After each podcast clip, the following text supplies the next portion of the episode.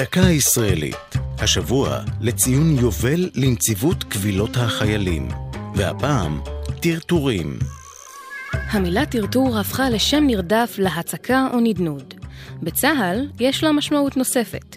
טרטורים או תיזוזים היא שיטת ענישה לא רשמית המתרחשת מחוץ למערכת הדין המשמעתי, ומאפשרת למפקדים להעניש את פקודיהם, לרוב באופן גופני.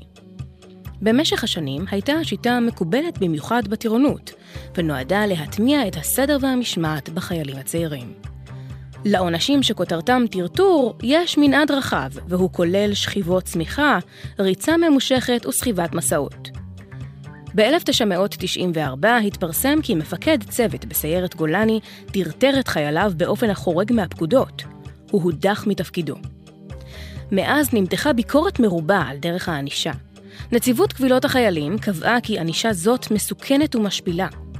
בסוף שנות ה-90 החל הרמטכ"ל דאז, שאול מופז, ברפורמה להחדרת כבוד האדם לצה"ל. במסגרתה נאסרו צורות ענישה רבות. התופעה צומצמה, אך לא מוגרה. במקרה קיצוני שהתרחש לפני שני עשורים, נפטר חייל מיחידת דובדבן שטורטר למשך זמן ארוך מהמותר.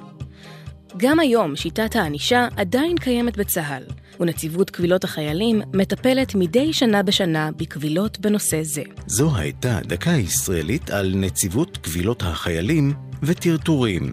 כתבה עשאל פלד, ייעוץ אלוף משנה במילואים, העורך דין ירון וייסווסר. עורך ליאור פרידמן.